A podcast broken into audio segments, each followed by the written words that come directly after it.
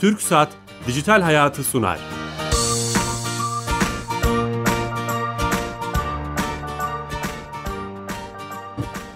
Evet hoş geldiniz. Her cuma TRT Radyo 1 mikrofonlarında teknoloji, internet ve sosyal medyanın hayatımızı etkilerini konuştuğumuz Dijital Hayat başlıyor. 106. haftadayız.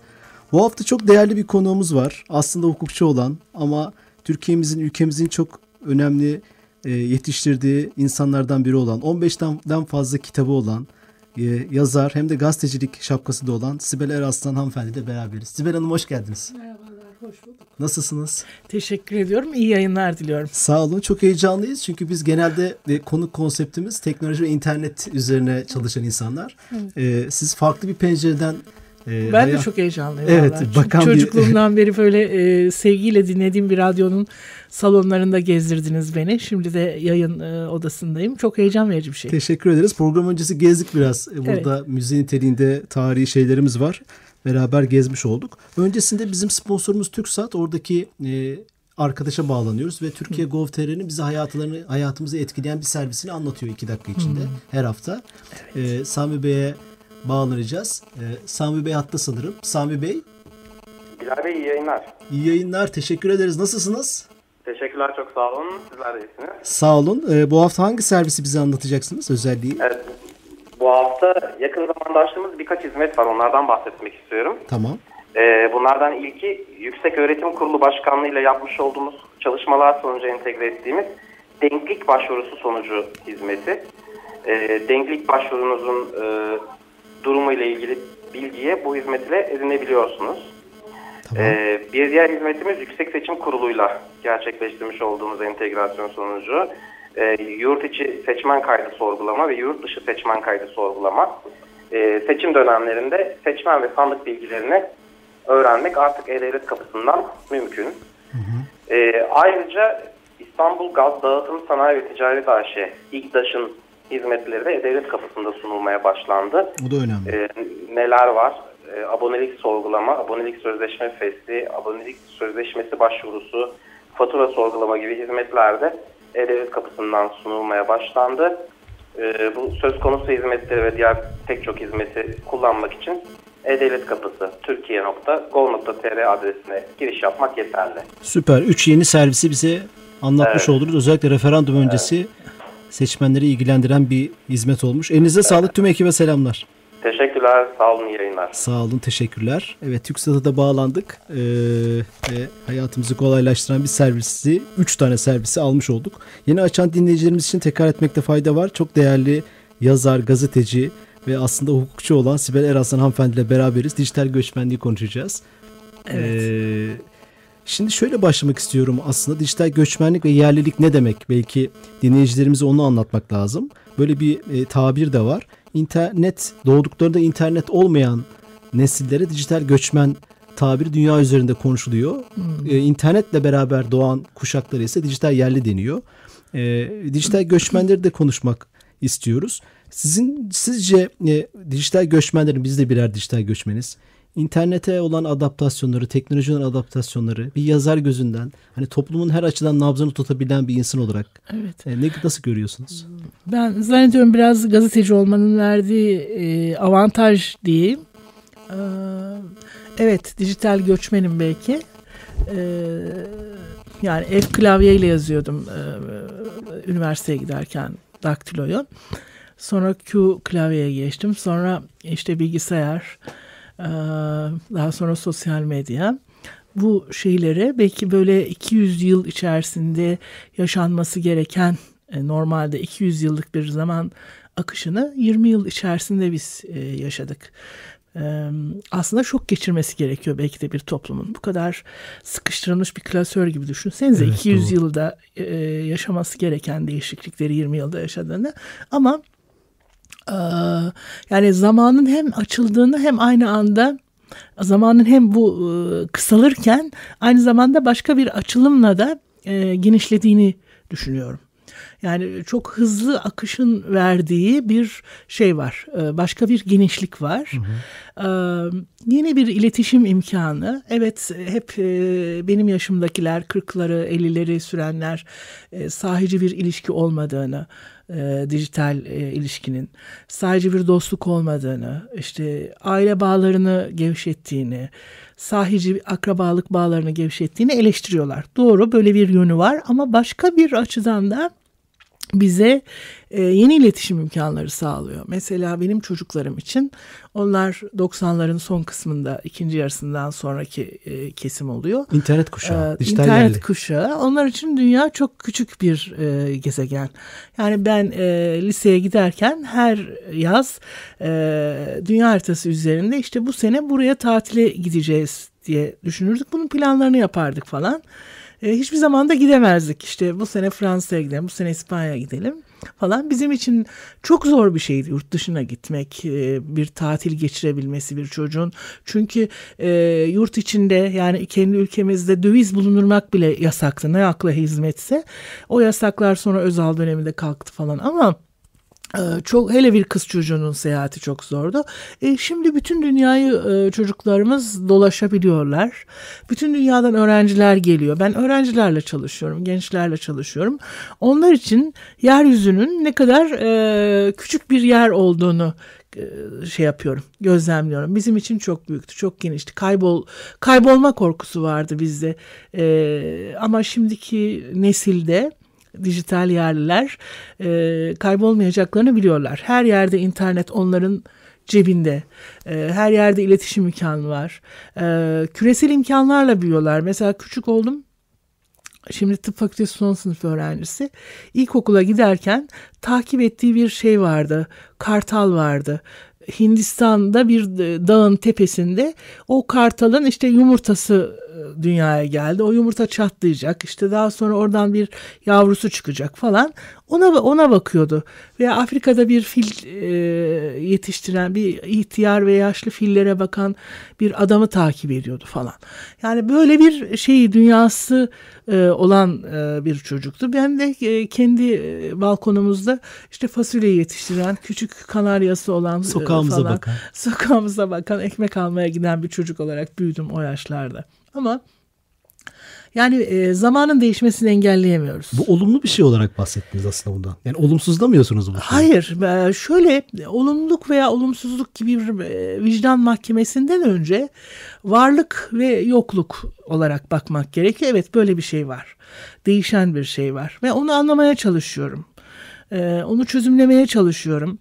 E, reddetmekle bu sahici değil, doğru değil diye e, dışlamakla olmuyor. Yani biz bu zamanın bu akışının içerisinde bir şeyler kurmak zorundayız. Hazreti Ali'nin bir sözü var yani ahir zamana doğru diyor günler geceler çok çabuk geçmeye başlayacak zamandan bereket kalkacak zaman üzerinden diyor belki de bu hız ve haz dönemi buna işaret ediyor, işaret ediyor. ama biz işte hani sorumluluk bilinciyle e, yeni bir alan kurmak zorundayız. Yani kıyametin koptuğunu duysanız bile elinizdeki yeşil fidanı dikiniz diyor Resulullah Efendimiz Aleyhisselatü Vesselam. Hangi çağda hangi zor şartta olursak olalım biz e, o elimizdeki yeşil fidanı kaybetmemek zorundayız. Dolayısıyla dijital yerliler dediğiniz o küresel e, haberleşmenin, küresel medyanın, iletişimin içinde akan e, gençlik de kendi alanlarını kuracak. Bizim e, kurmaya çalıştığımız alanlar farklıydı. Onların ikisi farklı. Her çağın kendi alanı var. E, bunu biz uyumlu hale getirmek zorundayız. Başka çaremiz yok. Aslında doğru kelime adaptasyon içine evet, girmemiz lazım. Evet. Genelde şöyle biz konuklarımızla da bu konuları konuşurken dijital göçmenler interneti olumsuzluyorlar hayatımızı mahvetti, her şeyimizi. Yerlilerde tam tersine müthiş bir kutsallık atfediyorlar. Evet. O ikisinin dengesi mi? mi evet, lazım? kutsallık diyemem ama kolaylık yaşadıklarını görüyorum. Ee, İnternetsiz yaşayamam diyor ha, mesela. Bütün alışverişlerini mesela hiç görmeden benim çocuklarım şey üzerinden yapıyorlar. internet üzerinden. Yahu ayakkabı alırken insan bakmaz mı? İşte ayağına giyip çıkartmaz mı? Bir, bir gömlek alırken eliyle şöyle hışır hışır dokunmaz mı ona e, falan. Ben, ben böyle e, yetiştim ya. Annemden böyle gördüm. Ama onların dünyası e, çok farklı. Mesela e, kitap alışverişlerimde falan bana yardımcı oluyorlar. Çok güzel geliyor, vaktinde geliyor. Müzayede eserlerine ulaşabiliyorum. Benim için de çok büyük bir kolaylık. Mesela dünya çapında takip ettiğim ressamlar var, mimarlar var. Mimarlık projeleri var. Yurt dışında takip ettiğim. İşte film stüdyoları var. Sinema arşivleri Bu var. alana ilginiz olduğunu bilmiyordum. Bu da Aa. başka bir şapkınız galiba. Mimar- mimarlık. E, e, Şimdi roman yazdığınız zaman tabii mimariyi bilmeniz gerekiyor. E, Bir şey oluşturuyorsunuz. Bir e, düşünsel anlamda e, bir mesela bir sarayı anlatıyorsunuz veya bir sokağı, bir meydanı anla, bir apartmanı anlatıyorsunuz. E, bunun için o üç boyuta, e, zamana ve ışığa ihtiyacınız İhtiyacınız var muhakkak. E, İnternet bu anlamda çok İnternet önünüzü bana açıyor. bu imkanları sağlıyor. Takip Ama ayakkabı almaya sağlıyor. devam et. Ayakkabı almıyorsunuz. Yok kadarıyla. bana olmaz diye düşünüyorum yani aldım ayakkabı. Şöyle mesela bu çok güzel bir konu. İkin, Hmm. bir- birincisi şunu diyorlar. Olmazsa geri gönderirim diyorlar. E, gönderiyorlar geri, da. yani geri gönder. Onu yapmak Ama zorunda. benim için o bir kriz mesela. Yani bir şey olmadı bana ve geri göndereceğim. Rengini tutmadım mesela. Aa, Bir iş mi ben olsam için? yaz tutarım Ha, ama onlar için çok rahat bir şey. Yok hemen değiştiririz falan. Ee, bununla ilgili hukuk bilgileri çok e, hızlı işliyor. Şuraya başvuracağım. İşte şu müşteri servisi. Onlar için mesela e, müşteri servisi demek, halkla ilişkiler demek çok önemli şeyler. Çağrı merkezi. Bizim nesil içinse e, bunlar sanki böyle gösterisel şeyler. Çok da işe yaramaz şeyler. Gidip hani hakkını kendin aramak zorundasın. Bağırıp çağırmak zorundasın.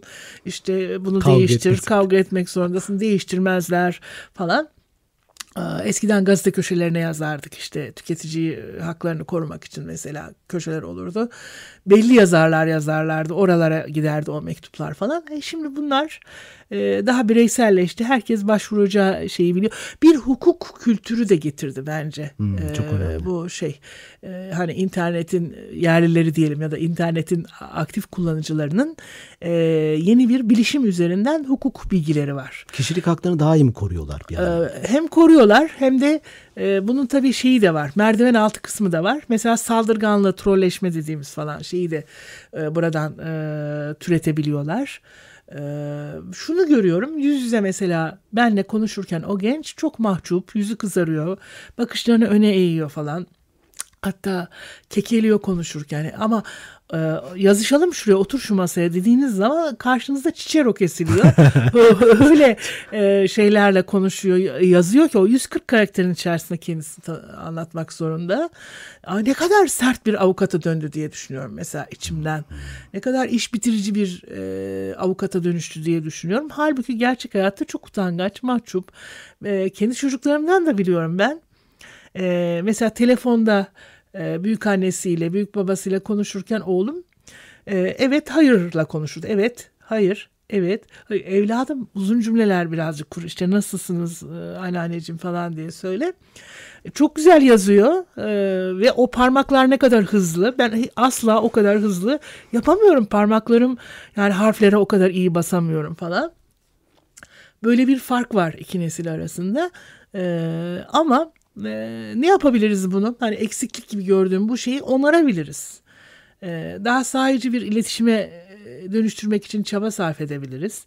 Herkesin kendi telefonu, mobil e, şeyi var, ulaşım imkanı var. Herkesin kendi odasında kullandığı televizyon var. Bu bölüyor tabii. Aileyi de bölüyor. E, arkadaşlığı da bölüyor ama başka bir arkadaşlığı açıyor. Ben Twitter'a her girdiğimde diyorum ki merhaba ey yalnızlar topluluğu. Yani o kadar yalnızız ki orada yeni bir iletişim imkanı arıyoruz. Çok da aktif kullanıyorsunuz. Ve kuruyor, kuruyoruz da işin garip tarafı. Mesela bir ilaç aradım geçenlerde kendim için yani. Bulunmuyor. Belki 16 tane, 17 tane eczaneye gittim. İlacı bulamadım. Ama internet üzerinden bir şey e, yazdım. Bulamıyorum şu ilacı diye. Yurt içinden, yurt dışından her yerden haber geldi. Şöyle var. şurada var, burada biz gönderelim falan diye. İşte Malatya'dan, Fransa'dan her yerden e, cevap geldi. E, veya şuraya nasıl gideceğim arkadaşlar işte e, Sultanbeyli Kültür Merkezi'ne gideceğim bir, e, bir öneriniz var mı? Hemen yol önerileri geliyor karşıma falan. Çok da kolaylık sağlıyor. Bir ben de- kolaylığını gören bir kimseyim yani. Bir de siz yazarlar genelde e, Türkiye'de ve dünyada çok sosyal medyayı kullanmazlar, sevmezler. Siz ciddi bir kullanıcı takipçisine Türkiye'de ilk ilk 10 ilk 20 içindesinizdir yani 200 bin takipçiyle. O şeyi de etkileşimde ben dikkat ben ediyorum. çok iyi kullanamayan birisi kimseyim. Buna yani çok yaşlıyım ama e, yine de seviyorum e, internet üzerinden e, haberleşmeyi, gençleri takip etmeyi. Hep gençlerle çalıştığım için öğrencilerle. Siz siz daha çok adaptasyonu seçmişsiniz. Yani reddetmeyi değil de Evet. evet bu neymiş bu dünya? Ama bu akıllıca yolu bu bence. Öyle reddetmekle, e, yargılamakla, ilzam etmekle, suçlamakla olmuyor. Hazreti Ali diyor ki çocuklarınızı kendi çağınıza göre değil, onların yetişeceği çağa göre terbiye edin ve yetiştirin diyor. Bu bize hem ağır bir sorumluluk hem de e, uyanıklık bahşediyor. Yani öyle basma kalıp ezber e, bir tarzda gidemezsiniz artık. Başka bir şey var. Başka bir akış var. Çağlayan gibi bir şey ya. Niagara Çağlayanı gibi bir şey. Manavgat Çağlayanı gibi bir şeyle karşı karşıyayız. Ve bütün ezberlerimizi yıktı. Yani yerlilik ne? Evrensellik ne? Her şey- bu Mahremiyet küresel e, şey e, dil her türlü e, ezberi yıktı diye Buradan siz aslında bizi dinleyen ebeveynlere de bir mesaj vermiş oldunuz. Evet. Çağa uymaya çalışın ve öğrenmeye çalışın. Öğrenin valla. Başka çaresi çağırın. yok yani. Bu işi öğreneceğiz hep birlikte. Ben de e, öğrenmeye çalışan insanlardan birisiyim. E, rahmetli annem bile öğrenmek için bir çabası vardı. Geçtiğimiz Nisan ayında kaybettik Allah rahmet sağ eylesin. Anne, anneannelerini, çocuklarımın. Ama o da mesela e, bir mutfak şeyi vardı, merakı vardı. E, değişik dünya mutfaklarını, e, değişik dünya müziklerini merak ederdi. E, Kur'an-ı Kerim'i takip etmeyi mesela bilgisayar üzerinden dinlemeyi falan öğrenmişti. Yani herkesin öğrenebileceği bir kısmı, yanaşabileceği, yaklaşabileceği bir e, kısmı var. Evet. E, Valla ben de bilmiyorum ama yepyeni bir e, çağa doğru gidiyoruz. Hı hı. Bir de sizin e, e, mikro olayları konuştuk. Yani mikrodan kastım kişisel e, sorular sormaya çalıştım. Bir de siz makroyu da takip ediyorsunuz. Yani ülke gündemini, siyaseti. Evet. E, özellikle son dönemde gündem olan işte siyasetin, devletin sosyal medyada da bir imtihanı var. hani gündeme baktığımızda. Oraya nasıl bakıyorsunuz? Sen sizi günceli de takip eden köşe Şimdi yazarlarıyla. devleti idare edenler de e, benim çağdaşım Dijital biraz daha ya onlar da. tabii biraz daha hatta daha şanssızlar çünkü biz gene gazetecilikten falan daha sade kimseler olmaktan dolayı e, daha yaklaşma imkanımız var. Siyasetçiler biraz korkuyorlar da çok kolay bir şey değil internet üzerinden çok büyük bir agora o E, yerli yabancı herkes size bakıyor. Sizin bir sözünüzle e, koskocaman bir e, kar kü- küresi bir çığa dönüşebilir. Yani küçücük bir kar tanesinden bir çığ çıkartabilirler.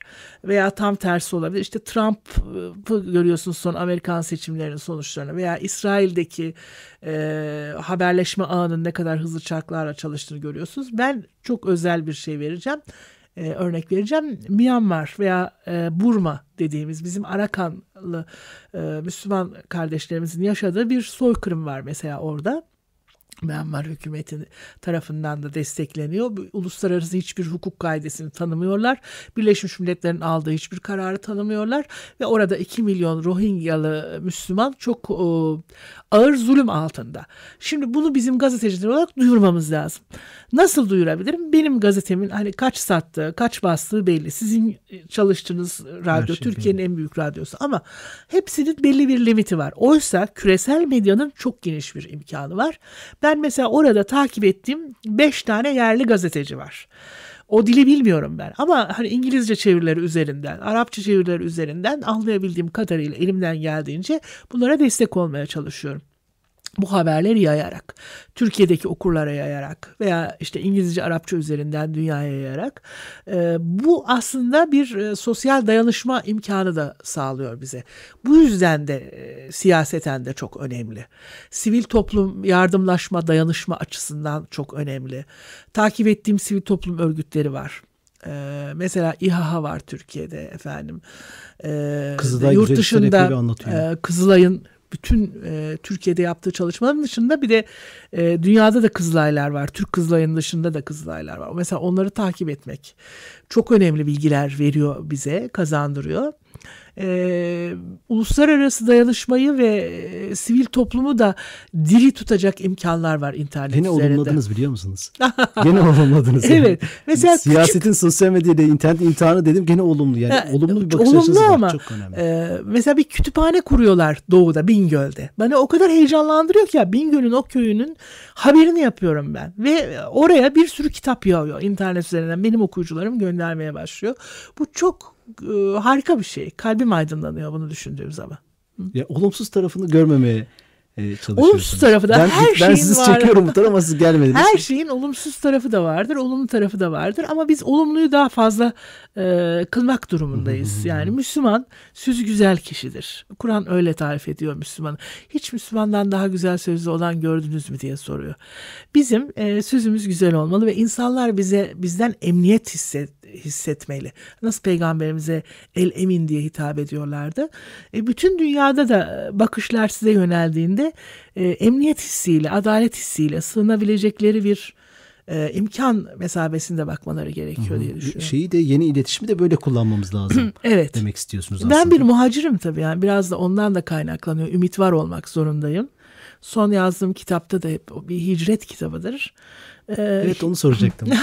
son, kitabınızı hayırlı olsun. Hem Aa, yeni yayın eviniz hem de yeni kitabınız. Evet, Ee, e, çok da e, bunu da konuşmak istiyordum. Evet. Dört Defter Rumeli Rüzgarı Evet. isminde. Aslında burada bir göçmenlik hikayesi var. Evet. Kişisel olarak belki evet, e, sizin bir- de e, orada e, hayat hikayenizden hicret e, şeyler de var. hikayesi. neler var hani biraz dinleyicilerimiz için? Ee, büyük annelerim var. Ee, birisi yani büyük annemin büyük annesi her ikisi de anneannemin e, büyük annesi, babaannemin büyük annesi. Ee, birisi İzmit'in birisi İstanbul'un işgalini görmüşler. Üsküp ve Selanik üzerinden gelmişler. Bundan 90 yıl önce Selanik bizim e, en çok Müslüman Türk nüfusun barındığı e, bir Osmanlı eyaletiydi. Şu anda bir tane mesela cami yoktur Selanik'te. Hı. Ee, 15 Temmuz'u da e, gördük. Yani e, vatan kavramına tekrardan yüz yüze geldik. Topraktan ülke, ülkeden vatana bir e, bilinç akışı oldu bu deneyimler bizim için. Hepsi üst üste gelince ben de e, unutulmasın istedim. Büyük annelerimin o yarım kalmış hikayeleri, hicran, hüsran ve o muharrik e, yürüyüş yani sürekli gece gündüz yürüyerek gelmişler. Mesela e, benim haminneme kendi haminnesi yola çıkarken 8-9 yaşındaymış Pembe Hanım yola çıkarlarken bir gece vakti konakları yanıyor ve dışarıya üstleriyle elbiseleriyle çıkıyorlar. E, kendi babaannesi ve 8 yaşında torun. Ee, onu da kaybediyor şeyde gemide zaten. Komşularıyla birlikte Gelibolu'ya geliyor. Ama ninesinin ona söylediği bir şey var. Evladım yanmayan bir minare e, görünceye kadar hiç arkana bakmayacaksın. Devamlı yürüyeceksin diye söylüyor. Diyor ki yanmayan bir minare görmüştüm. Hemen gittim koştum sordum. Burası neresi? Burası Gelibolu dediler. Ya.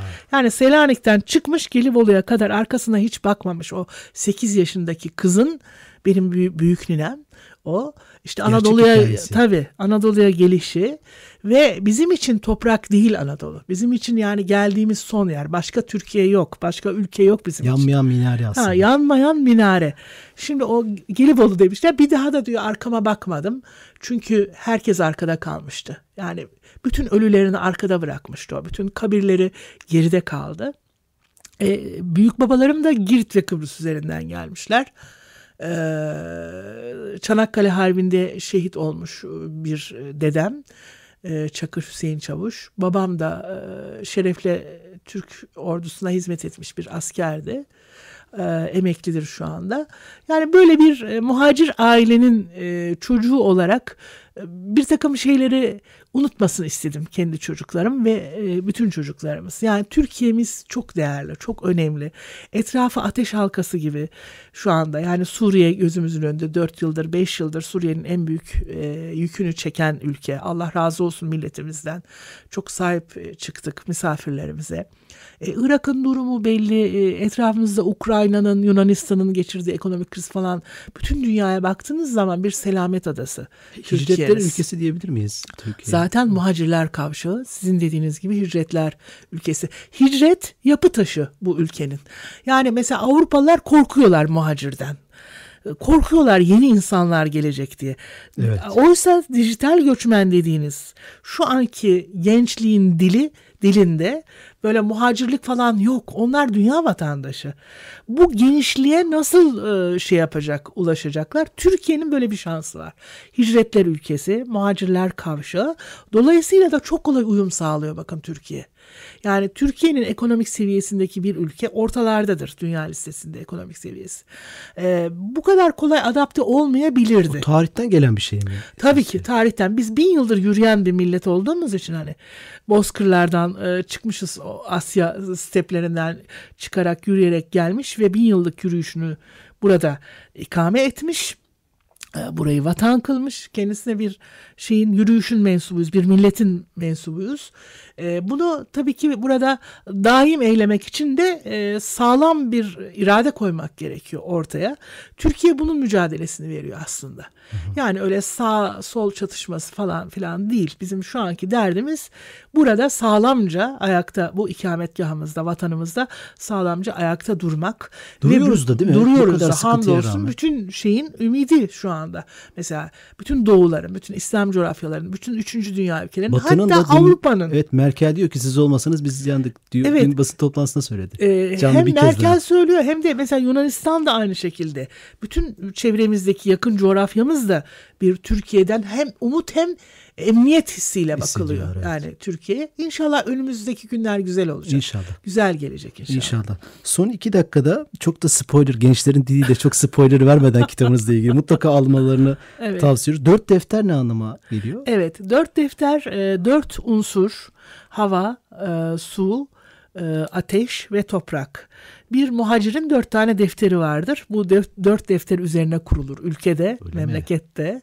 Bu sizin ee, kurduğunuz bir şey mi? E, yani, bu, bu büyüklerin bütün e, İbn Haldun'dan itibaren bütün sosyologların e, da dile getirdiği e, tasavvufu arka planı İbn Arabi'ye kadar dayandırılabilecek Mevlana Celaleddin Rumi'de şiirle hayatta bulmuş e, bir e, şey e, bakış açısı varoluşun e, kaynağı bu dört defter. Evet bu varoluş kaynağından bir varoluş bilinci çıkartmak e, gerekirse işte o da e, Rumeli'den buraya göçüşümüzdeki o hicret hikayesinde çok güzel. mayalandı kitap. Efendim sizi dinlemek çok değerli, şeref verdiniz. çok teşekkür Derya ediyorum. Gibi 15 kitap, 15'ten fazla kitap yazmış. Gazeteci çok şapkanız var ama vaktimiz doldu maalesef. evet.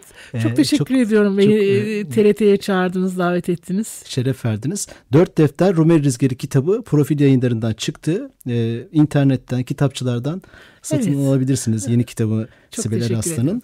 Ee, tekrar şeref verdiniz. O Haftaya yeni konu evet. ve konuklarla beraber olacağız. Bizim evet. programımızın e, tüm geçmiş bölümlerini Dijital Hayat TV YouTube adresinden de dinleyebilirsiniz. Evet. Yapımcımız Kenan Bölükbaş, e, yönetmenimiz Nihat Tuna, ben Bilal Eren. Haftaya yeni konu ve konuklarla beraber olacağız. İyi hafta sonları, hoşçakalın, iyi günler.